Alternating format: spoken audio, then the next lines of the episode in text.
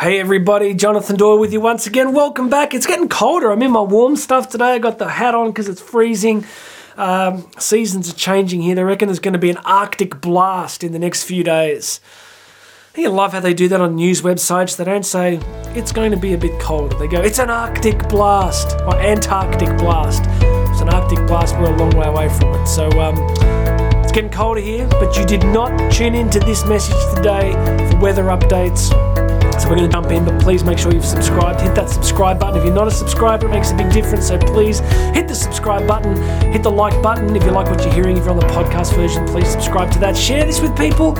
And as I say each time, if you want me to cover a particular topic, if there's something that would be helpful to you, put it in the comments and I will do a video just on that for you. And um, there also is a link here to my book, Bridging the Gap. I'm going to give it to you for free. So go and search through the, the notes here. You're going to find a link to Bridging the Gap to the free book. Go grab it. It's really cool. You'll like that. Today, I'm going to try and do a shorter one. I mean, I've been going long. Every episode, the last few ones I've been recording, I've just been, uh, I hope they're a blessing to you. I'm just speaking from the heart on things that I hope are useful. Today, I'm going to give you a quote from Martha C. Nussbaum who is a uh, professor. She's also, um, well, she's uh, head of philosophy at the University of Chicago. University of Chicago is one of the great universities of the world, up there with Oxford, Cambridge, Yale, Harvard, University of Paris. Um, University of Chicago is, is one of the world's great centres of learning, or at least it was. And um, Martha C. Nussbaum has written some great books. A few years ago, somebody gave me a massive book of hers called Eruptions of Thought. She's a philosopher of the mind and of epiphenomena, uh, the emotional interplay between our feelings and our thinking, our cognition. So, I want to give you a good quote today from her. It backs up a little bit of what we did yesterday in the quote from Pericles. So, go back and check that if you want to. But um, let's jump into this quote today from Martha Nussbaum. Life is about more than earning a living. And if you're not in the habit of thinking about it, you can end up middle aged or even older and shocked to realize that your life seems empty. Simple, simple, simple, simple episode today. I've said it a thousand times. Our culture is driven by forces that are kind of like great big things moving under the water. I was reading a brilliant um, philosophical essay during the week by one of my favourite writers, Paul Kingsnorth. If you use Substack, I'm a huge fan of Substack. Go check out, um, just type in Paul Kingsnorth Substack. If you're a bit of a thinker, if you like thinking about culture and philosophy, Kingsnorth is a giant. If I can remember uh, when when we when the editors are putting this together, I'll try and put a link in there because his stuff for me is like drinking fine wine. Like when it when it comes to my inbox, I don't read it straight away. I wait until I know everything's going to be quiet. And, uh, and I read him deeply. He he has been writing for a long time about the great forces and currents moving under our culture, and I think he's he's really right about it. And one of these great forces, he would say the force is the relentlessness of progress, that there's a highly mechanistic, anti spiritual force driving through culture. It's the relentless idea of human perfectibility, technocratic control, centralized bureaucracies, driving and killing off this kind of wilder human spirit, the love for wild places, the natural world the fact that these words are coming out of my mouth are, are amazing because you know, COVID changed a lot for me. I think the centralization of control and bureaucracy are highly, highly problematic. I have huge problems with them. I think deep down I am uh, something, I'm not quite an anarcho uh, uh, capitalist libertarian. I'm not far from that. But I think the fundamental desire, libertarian stuff for me, like the desire for freedom, that the best people to make decisions for you and I are guess who? You and I. The smaller we can devolve our decision making, the better.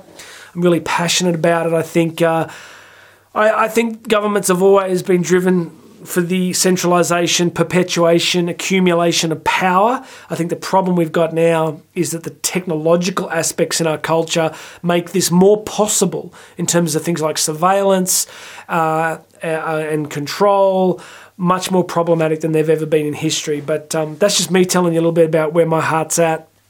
You might see it differently. Put something in the comments if you think I'm really wrong. But that's that's what I'm passionate about. Now, as well as that being, I think, a huge force, the other great force is this idea of consumption, Homo economicus, that that our, our, culture breaks us down into consumption units, right? That what is the most, you know, every election, right? What's we talk about maybe, you know, sometimes they talk about the environment and a few things, but most of the time it's the economy, the economy, the economy as if the most important thing on the planet is the economy. Now, let's not be stupid. Of course, it's important. We need stable, vibrant economies so people can access the goods and services that they want, that they can provide for families, that they can have a healthy standard of living. Those things are necessary and good.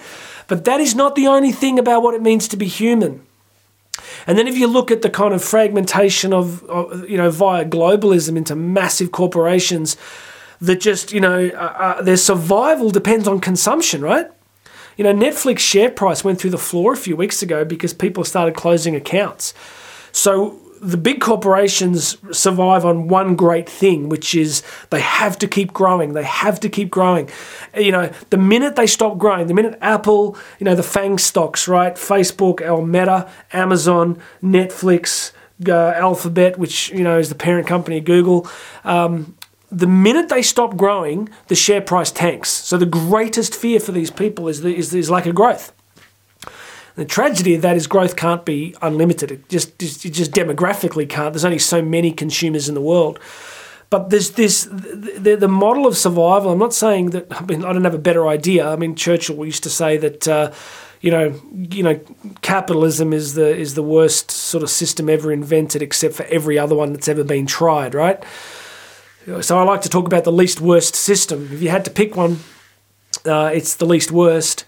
But what this has done is create this idea that the, the modality of human happiness, the, the vector of aspiration for human happiness, is essentially consumption. So that how do you get happy? Well, you you're able to consume more. You drive a better car. You live in a bigger house. You own more stuff. You can travel more often. You so again, listen, it's not black and white. It's important to have security. It's and, and it's no problem with being wealthy. And you know, part of this whole personal development motivation thing that I care about is that it's good to grow and to and to develop and succeed. But what Martha Nussbaum, this great philosopher, is telling us is that at the end of your life when the sun begins to set on your time on this planet, you will not be saying to yourself, if only I had spent more time in the office. You will not be saying to yourself, if only I had consumed more. You'll be saying to yourself, you will be thinking about a relatively small group of people that have given your life significant meaning. That is what you will be thinking about. It's what I will be thinking about You'll be thinking about your desire to be reunited with them uh, in the next life. You'll be thinking about, you know, you know how much you love them. So what she's telling us is if we live our lives, if we go through our days utterly focused on nothing but ambition, consumption, promotion, accumulation, there will be a point at which we suddenly go, oh gosh, you know, like um, my, my life seems relatively hollow. There's things there that are you know, Karen and I were talking about this the other day. Like before we had kids, when we started our, our, company, we would we would start working early in the morning and we would work through till 10, 11 p.m. every night. You know, we just work and work and work. We've been very deliberate about raising our kids. We've we've you know, it's been it's it's it's really taken a lot from us, which is fine. That's what we signed up for, right? No complaints. But we really have tried to give them a, a huge amount of us not in a weird kind of like you know raising little princesses and making them you know you know raising them in any sense as, as being entitled, but just we've made decisions to work a bit less and to and and to do things with them and to try to be uh, because we don't have them for that long, right? Like I said to Karen, as soon as, soon as they're like 17, 18, I'm, they're gone. She says that's no, they can they can stay here until long as they need to. I go well, yeah, unless I change the locks now. So we've made decisions about valuing certain things in our life that I'm not saying other people don't. I'm just saying that we made trade offs because everything in life is trade offs, right? You, it's just trade offs. You have to make trade offs. You have to.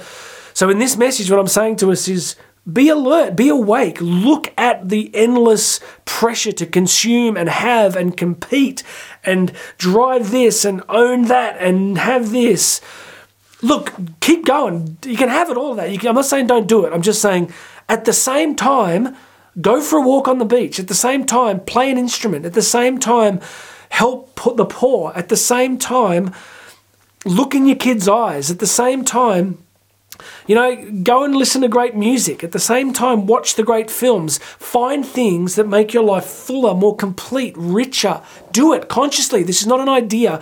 This is something I want you to do.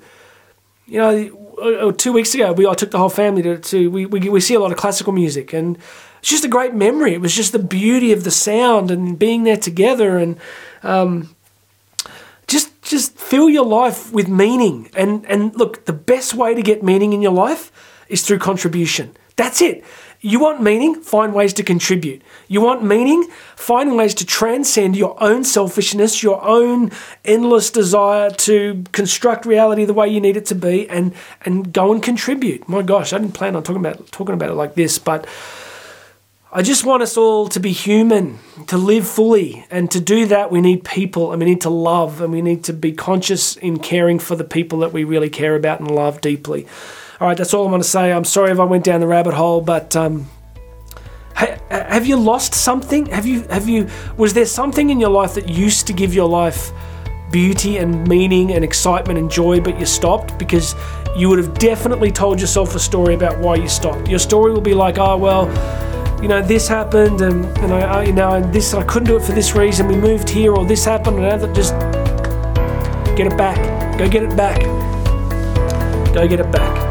All right, please make sure you subscribe. Go grab a free copy of my book, Bridging the Gap. There's a link here, free book. Go grab it, hit that link. Leave something in the comments, and I'm going to do uh, topics that you want me to cover. So just go ahead and do that. Put something in the comments, and, um, and I'll make videos on whatever you want me to make videos about. God bless you, my friends. My name is Jonathan Doyle, and I'll have another message for you tomorrow.